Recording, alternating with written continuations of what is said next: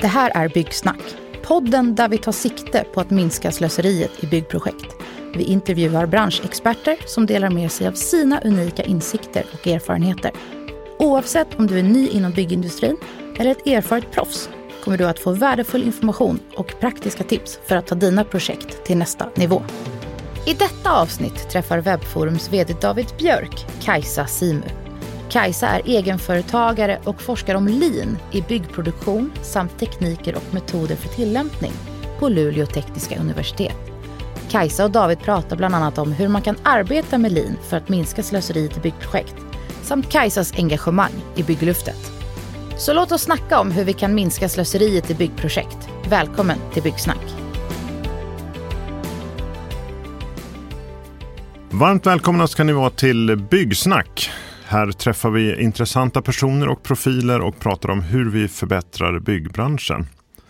Eh, idag gästas vi av någon som har ambition att göra branschen bättre och bekämpa slöseriet. Och det passar ju perfekt för oss att prata med en sån person. Vi gästas av ingen mindre än Kajsa Simu som är egenföretagare och tillämpad forskare med lång erfarenhet från byggbranschen. Välkommen Kajsa! Stort tack! Vilken så, ära att få vara här. Ja, men så roligt att ha dig här. Och du har eh, åkt ner ända från Luleå för att träffa oss. Inte bara oss, men eh, Nej. du har lite andra saker du gör här. Absolut, jag får göra besök här nere ibland. Ja, men vad bra. Och eh, du har ju en väldigt spännande bakgrund och en, en av många anledningar vi tyckte vi skulle prata med dig idag var att du, du har en lite ovanlig blandning av en kombination av det akademiska och det praktiska. Eh, vilken fördel tycker du har fått av det? För det låter ju ganska användbart, att kunna mixa båda, båda bitarna. Ja, men det är ju helt fantastiskt att ha den möjligheten att som en akademiker och bli tränad i ett akademiskt arbete eh, söka kring vad som är problemet. Verkligen ha tiden att reflektera kring vad du gör och söka nya svar. Men framförallt lära dig problematisera och ta det till en industri som är här och nu. Eh, mycket brandsläckning och faktiskt ha det här reflekterande perspektivet och stanna upp lite grann och hjälpa de kollegor och de som jag jobbar med att, att stanna upp och se att söker vi, är vi på rätt problem när vi springer iväg och löser saker. Just så, det är en guldsits på det sättet. Jag förstår. Men möjligheten att backa upp och kanske ja. teoretisera lite och inte bara springa till brandsläckaren så fort som möjligt. Nej, exakt. Mm. Och åt andra hållet då med att ha en stark förankring i näringslivet och ute i industrin gör ju också att när jag som forskare går in och ska problematisera och jobba med mina forskarkollegor så har jag ju en kontext som, som gör att den forskning som vi bedriver på vår avdelning blir väldigt relevant. För den adresserar de saker som man brottas med ute i industrin. Så det är verkligen vinna-vinna. Just det, och en bra tillgång till eh, studieobjekt och möjligheten att få... Absolut. Ja. Det är det. Ja, jag förstår. Och, och du eh, håller till på Luleå tekniska universitet. Eh, vad, vad, vad, jobbar du med där? Eller vad, vad består ja, din forskning av just nu? Ja, Luleå tekniska universitet på en avdelning som heter industriellt och hållbart byggande. Och mitt fokus handlar ju om att hitta sätt i produktionen. Så min forskning är, är riktad på produktions, eh, produktion i mer traditionella eh, Eh, byggprocesser. Vi har ju en, en stark grupp med industriella byggare. Eh, vi är några som jobbar med produktionen i mer traditionella där det är flödena kring eh, effektivitet, eh, stöd och hjälp. Och här kopplar jag in väldigt mycket kring lean och lean construction. Eh, men också digitalisering. Hur kan digitala hjälpmedel eh, jag är med i ett forskningsprojekt just nu som handlar om AI hur kan vi tillämpa AI för att hjälpa en platschef i produktionen att bli en assistent till dem. Ah, superspännande. Det är ett jättespännande projekt som vi hållit på med något år. Jag förstår. Men om vi backar tillbaka till lean lite grann. För mm. Jag tror många förknippar ju det med kanske lastbilstillverkning och Scania och att det mm. måste vara eh, den typen av processer. Det måste men, vara en fabrik. Det måste vara en fabrik. och det, det måste ja. vara, men men eh, du menar att det är någonting som går att tillämpa även inom byggsektorn? Absolut. Eh, jag väljer att definiera lean som en verksamhetsstrategi. Och med det så menar jag att det är en strategi för hur ett företag väljer att leverera värde till sina kunder. Och här kan man ju säga att det finns två motstående delar. Den ena handlar ju om att du optimerar på varje resurs och jobbar ganska isolerat i silos. Eller, mm, ja, du, du jobbar, alla gör sin grej och sen skickar man vidare. Det är det traditionella och det är, ett, det är inte lint att jobba på det sättet. Utan en lean strategi för ett företag det är att se till hela flödet, förstå kundens eh, behov och problem och utifrån det backa och se till att Eh, du kortar tiden för den leveransen. Och då måste du jobba tillsammans. Du måste knyta ihop alla parterna som finns i en projektleverans. Och det är en generisk lintanke. Den har ingenting med produkten i sig att göra utan det är återigen det är ett strategiskt val som görs högst upp i företagets ledning. Och om jag minns det rätt från det jag läst om lean så handlar det också väldigt mycket om att få bort slöseri. Alltså att man, ja. man gör det så smalt och effektivt som möjligt. Precis. För, för tittar man då på det här flödet från det att en kund behöver, vi säger en byggnad, för att göra någonting tills dess de får nycklarna. Hur kortar vi den tiden så mycket som möjligt? Eh, och då behöver vi leverera rätt saker i rätt tid, i rätt mängd. Och då har vi inte, slöserierna i det sammanhanget handlar ju om att vi inte har rätt information. Vi måste ha nära kontakt med projekteringen för att ha rätt information i vad vi ska bygga. Vi måste ha rätt material vid rätt tid. Vi måste ha en tajt kommunikation och dialog med våra underleverantörer och materialleverantörer. Eh, produktionen ska ju ha redan i projekteringen så ska man ha projekterat så att det är producerbart. Så att det är enkelt att producera. I alla de här överlämningarna, i alla de här momenten jag pratar om nu, så sker det mycket slöserier idag. Och det kan man då ta bort och då kortar du tiden för leveransen till kund och, och då får ju du, du får ju betalt snabbare. Det, det, låter ju väldigt bra när du säger det. Men var, var, var, varför jobbar man inte så här idag? tror du? Jag skulle nog säga att strukturen vi har på branschnivå har fostrat in oss i att du eh, många gånger handlar upp och konkurrerar på längsta pris. Du har nya aktörer i varje projekt som kommer in med ny, eh, nytt fokus på att vi ska göra vår leverans och sen drar vi därifrån. Eh, och, och, då har du en ganska fragmenterad, jag har pratat om det tidigare sammanhang, alltså du, du, får en fragmentisering, du delar upp det här onödigt mycket.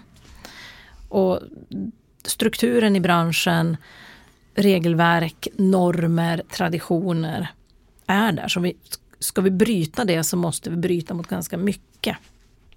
Vilket gör omställningen Det tyngre. gör omställningen tyngre, den gör den svårare och det är också därför jag säger att det räcker inte att vi gör ett, ett projekt ett utopiskt lean-projekt där liksom allting bara funkar. Därför att det måste ju vara företagen som är med i projektet och helt plötsligt är vi på ganska många aktörer. Och det är också därför som jag jobbar med att hjälpa företag att, att egentligen byta verksamhetsstrategi till att jobba mera flödesoptimerat. Ett större grepp helt Ett enkelt. större grepp. Det låter, precis, och det låter ju lite just att köra ett enda projekt där man gör allting rätt. Det, låter, det går lite emot grundtanken ja. i lean känns det som. Där man som handlar ja. väldigt mycket om att man bygger in effektiva mm. arbetssätt snarare mm. än att man gör rätt en gång. Ja, precis, och det har ju börjat, Lean Construction har ju börjat i projekten och man har många gånger tagit i stora projekt och det är klart att det gör nytta där och att du hittar verktyg och metoder som funkar för den produktionen vi har i byggsektorn. Men det handlar ju om att få det där att hända varje gång i varje projekt. Inte att du gör en som du får en guldstjärna och sen är du klar och så ja, nu gör vi som vanligt. Ja, men du, jag, jag förstår, det, det låter, eh, låter vettigt. Men, och, och då, då blir ju på något sätt, på det sättet du pratar här så blir ju lean mindre abstrakt och mer bara ett tankesätt att mm. se kanske hela kedjan och inte bara nu ska vi göra det mest effektiva för oss just här och nu. Precis. Och någonting som har varit liksom lyfts upp av de som är lite skeptiska eller tycker att det här känns märkligt. Ja, men ska vi ta bort slöserier? Ja, absolut, men lean handlar om att vi ska göra snabbare och korta ledtider och så tror man att man ska springa snabbare, gräva eller skruva eller alltså vara operativt snabbare. Men det är precis tvärtom. Tar vi bort den här tiden som vi slösar bort på att leta grejer, flytta saker, vänta på information. Då har vi faktiskt mera tid för det värdeskapande arbetet som till syvende och sist handlar om att skruva gips, dra kablar, eh, gräva, alltså verkligen göra det som är värdeskapande. Då har vi mer tid och då får vi faktiskt ett lugn i organisationen. Vilket borde hjälpa till att minska arbetsplatsolyckor, Absolut. stress och annat ja, elände. Du adresserar ganska mycket i den dimensionen. Just det. Ja men eh, jag förstår. Och eh, om man, man fortsätter då att dra det här vidare. För då låter vi prata lite om några branschaspekter här. Liksom, mm. så eh, vad är rådet till branschen då? Liksom, hur ska vi alla bli bättre här och, och, och, bli mer lean? Ja, men jag tror vi måste börja eh, lyfta blicken från våra operativa projekt och börja titta på företaget. Att, att företaget måste börja tänka så här och se sina projekt som någonting som upprepar sig. Det är inte unika företeelser rakt igenom. Ehm, det finns unika inslag. Men börja se det som att det är någonting som är en kontinuerligt och fundera på hur skapar vi värde i vårt företag. Och sen använda de verktyg som är tillämpliga i projekten. Men här är det ju också så att projekten är ju en spegling av branschen totalt. För helt plötsligt så är du inte själv, du kan inte bestämma allting själv som en företagare i ett projekt. För det är ett samarbete med andra. Vilket innebär att branschen och många företag måste börja prata om vad det här faktiskt är för någonting och hur kan vi hitta samarbeten i, i, liksom på branschnivå för att bli mera lean. Så där skulle jag nog säga att det är ett råd att eh, mer kunskap, mer eh, förståelse och insikt och se uppsidan med att prata med varandra. Och vi har ju, vi har ju massor med initiativ. Men vi måste fortsätta med dem. Partneringsamverkan som dök upp för många år sedan handlar om hur ska vi jobba tillsammans. Men det handlar inte bara om projekten utan vi måste också låta det här spegla över på hela branschen. Okay, så kanske om man, om jag tolkar det rätt, kopplar det här vidare ner mot företagen och projekten. Och så mm. kanske testa arbetsformer som inte mm. måste vara de traditionella så att säga, utan mm. samverkan kan vara en. Samverkan kan vara en och ska man nu vara väldigt konkret i ett projekt som sätter fingret på det här så finns det en metodik som, som kommer rent ifrån lean eh, inom byggsektorns sfär eh, som heter Last Planner. Och det handlar ju om hur verkställer vi planeringen i våran produktion genom att prata om hur vi verkställer den planeringen. Och den här vet jag att en del företag tillämpar. Eh, men fortsätt använda det, fortsätt sprida det så att alla aktörerna som är i ett projekt tar med sig det här hem och för vidare till nästa. Ja, spännande. Och då, då, antar jag också på det här temat att kanske jobba mer för att få lite mer långsiktiga samarbeten och ja. kunskapsåterföring ja. låter det som också. Att vi blir bättre tillsammans och inte bara suboptimerar i varje Nej. enskilt projekt. Nej men absolut och det här blir ju en, en jag vet inte om jag ska säga en knäckfråga men eh, vi är ju vana att handla upp eh, leverantörer och underentreprenörer till varje projekt.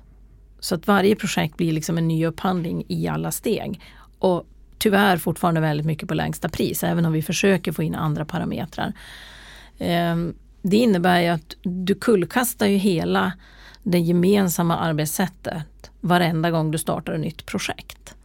Ehm, och här måste vi kanske börja alliera oss med en hel leverantörskedja. Vi jobbar stadigt med ett visst antal leverantörer, ett visst antal eh, och fler och fler gör så men tyvärr tror jag att det är för få som gör det. För då kan du också få, eh, om du utgår från du, du själv som entreprenör, om du har leverantörer som förstår hur du skapar värde i din produktionsprocess.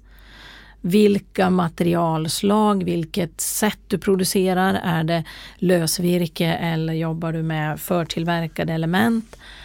så har du leverantörer som levererar in i det systemet.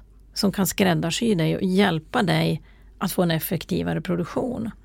Men om du varenda gång du ska göra ett projekt ska handla upp nya underentreprenörer och underleverantörer som ska lära sig ditt produktionssystem så är vi tillbaka på liksom en, en ganska lång upplärningskurva där du hittar mycket slöserier.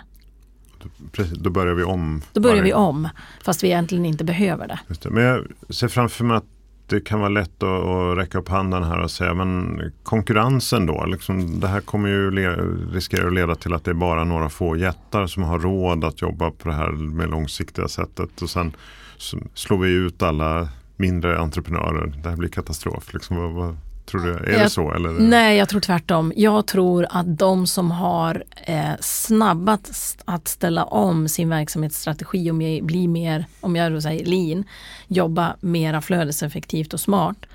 Det är de mindre och medelstora företagen. För du har mycket snabbare att börja prata om hur vi skapar värde i en organisation som inte är så stor. Eh, ja, de stora har muskler och ja, de stora jobbar mycket med de här frågorna. Men jag tror att som ett mindre företag så har du mycket snabbare att, att jobba ihop dig kring de här frågorna. Um, vi, vi har ju startat ett initiativ som ägs nu av installatörsföretagen och byggföretagen som heter Bygglyftet. Och det är ju just för att ge ett stöd för, för att ställa om verksamhetsstrategi i små och medelstora företag. Um, sen den här med konkurrens frågan. Ja, man skulle kunna se att, att du begränsar konkurrensen, att det blir en begränsad, men det är ju hela värdekedjor så jag är inte säker på att det behöver bli så hård konkurrens. Ja, det är klart att om du är, eh, om, eh, om en entreprenör bara ska ha tre leverantörer så det är klart att tar du ett tajt samarbete med dem och du alltid jobbar med dem så är det bara de två eller tre. Men här handlar det också om att det finns ju ett moment att komma in och bli en av de exklusiva. Eh, så jag är inte säker på att det behöver bli eh, konkurrensbegränsning. Men jag vet att den frågan är uppe där man tycker att, att upphandling på lägsta pris varje gång främjar konkurrensen. Mm, och det ser vi ju resultatet av. Vi konkurrerar med sämre arbetsvillkor och eh, låga löner och det är inte där jag tror vi ska göra. Kanske främjar en viss typ av konkurrens. Ja, och jag är inte ja. säker på att det är den vi vill ha. Nej, men jag förstår. Eh, du nämnde lite hastigt här bygglyftet. Det skulle jag vilja stanna upp vid eh, lite grann. Vad, vad är det för någonting? Det är ett initiativ som eh, nu ägs av byggföretagen och installatörsföretagen eh, riktat till deras medlemsföretag. Eh, man kan se det som ett träningsprogram för att bli mer konkurrenskraftig och klara av det här skiftet av verksamhetsstrategi. Så de företagen som vi tar in i, i tränings och utvecklingsprogrammet får ett eh, träningsprogram under 18 månader. De får en personlig coach eh, som hjälper dem att hitta ett nytt sätt att jobba och komma ut ur, ur programmet som mer konkurrenskraftiga, ha en förmåga till att jobba hållbart. Så vi väver ju in också vad är det för hållbarhetskrav. Eh, ekologisk, social hållbarhet som ställs på företag idag. Eh, och sen har vi också en koppling till det som jag vet att ni har haft uppe innan, Digilyftet. Just. Det är ett, ett dotterprojekt till Bygglyftet som ska säkra det vi kallar en integrerad digitalisering. För det är ju superkraften som vi har idag som inte har funnits innan för att hantera information, kommunikation, effektivare lösningar så att vi, eh, vi kan göra det här på ett mycket, mycket bättre sätt än vi kunde bara för tio år sedan. Mm. Ja, men kul, då låter det som att eh, Bygglyftet är liksom en personlig tränare för byggföretag. Ja, kan ja. man säga. Ja, men, eh, coolt. Men varför skulle man då inte vilja ha hjälp av bygglyftet? Det låter ju fantastiskt. Eller hur? Varför vill inte alla bli elittränade? Ja, ehm, och det är bara att titta på någon som tränar hårt inför att vinna Vasaloppet. Du måste göra ganska mycket själv. Det är många timmar som är slitiga i eh, skidspåret innan du står som vinnare. Jag misstänkte att det fanns en hake där. Det finns man, en måste, hake. Man måste jobba också. Någonstans är det så att eh, det är inte bara i alfabetet som arbete kommer före framgång. Mm. Och det gäller även här. Eh, så det kräver ganska mycket av de företagen som går in. De måste vilja träna och utvecklas själva. Det är inte en coach som gör det här, det är inte en tränare som kommer in och gör det åt dig. De guidar dig vad du behöver göra men, men du måste göra träning själv som företag och det, det ska man vara ödmjuk inför. Mm, jag förstår. Men det, det, otroligt spännande här. Nu har vi pratat en del om, om lean och varför det inte bara är någon konstig teori utan det är ett ganska praktiskt tillämpbart arbetssätt mm. enligt dig som man faktiskt kan få in i byggkedjan liksom för att det här ska bli bättre. Och vi har också pratat om branschen och lite grann ner mot företag. Men för, eh, vi rör oss ju ofta i projekten då där, där själva jobbet ska göras. Mm. Om man står som projektledare och lyssnar på det här och säger det här låter spännande. Så vad kan man göra mm. på det enskilda projektet? På det enskilda projektet så kan du bjuda in eh, din, ditt projektteam och börja fundera på hur leder och fördelar vi arbetet på plats? Hur, jag var inne på den här metodiken som jag inte har något bra svenskt namn på.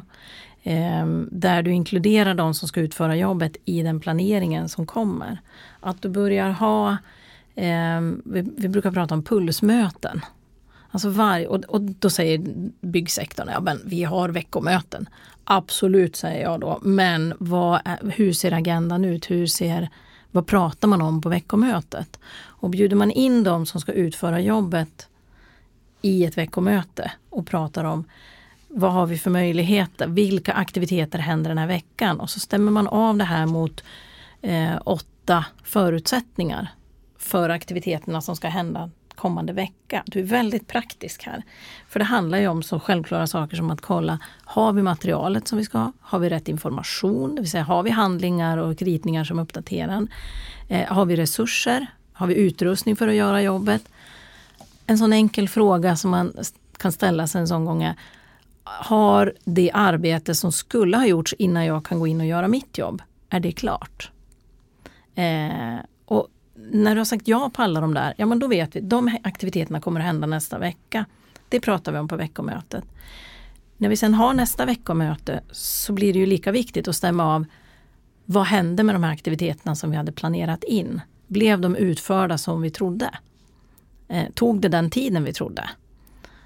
Och där har du liksom en avstämning för vad som kan planeras inför kommande vecka.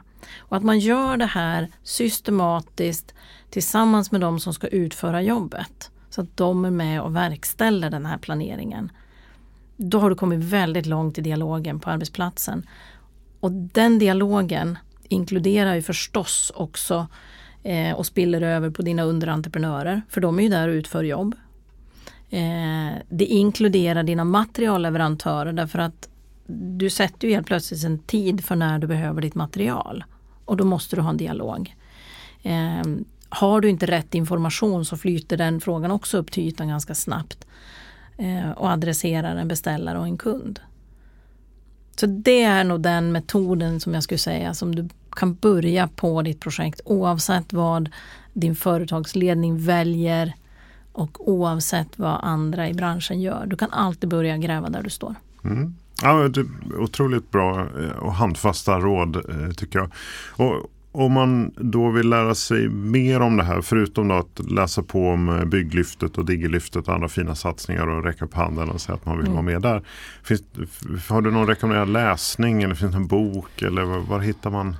Det mer? finns eh, en del bra böcker. Den, jag, den, som jag brukar rekommendera som första bok eh, om man vill lära sig mer vad lean handlar om, det är ju Niklas Modig och Per Åhlströms bok Detta är lean. Det finns en byggutgåva på Leanforum Bygg som man kan beställa. Eh, men det är samma kärna, den, den är väldigt begriplig vad lean handlar om på verksamhetsstrateginivå. Om man sen vill lära sig mer om lean och lean construction så finns det som jag sa, Leanforum Bygg adresserar den här frågan. Eh, Vår forskargrupp adresserar frågan. Och jag har nu fått i uppdrag från Luleå tekniska universitet att i höst ta fram en uppdragsutbildning. En, en kort digital, eh, eller distans kanske man ska säga, eh, uppdragsutbildning i lean construction som vänder sig direkt till företag eh, som vill lära sig mer om det här. Eh, svensk litteratur på temat lean construction, tyvärr den är inte skriven än. Nej. Men då, då ser vi fram emot att eh, du kanske eller någon annan skriver någonting på ämnet alldeles ja. snart. Ja, jättebra. Toppen! Eh, och med det behöver vi börja avrunda det här samtalet. Det känns som vi hade kunnat prata lin mm. eh, mycket längre men eh, klockan går och eh, det är dags att ge sig tillbaka ut i verkligheten igen. Eh, Kajsa, tusen tack för att du tog dig tid och pratade med oss idag. Mm, stort tack! Tack för att du lyssnade på Byggsnack. Vi hoppas att du har fått värdefulla insikter och inspiration från dagens gäst och samtal. Visste du att det är vi på Webbforum som driver denna podd? Webforum är en skalbar plattform för byggprojekt som hjälper allt från fastighetsbolag och bostadsutvecklare till kommuner, regioner och stora infrastrukturprojekt att driva mer effektiva byggprojekt. Vill du veta mer om oss? Besök oss på webforum.com.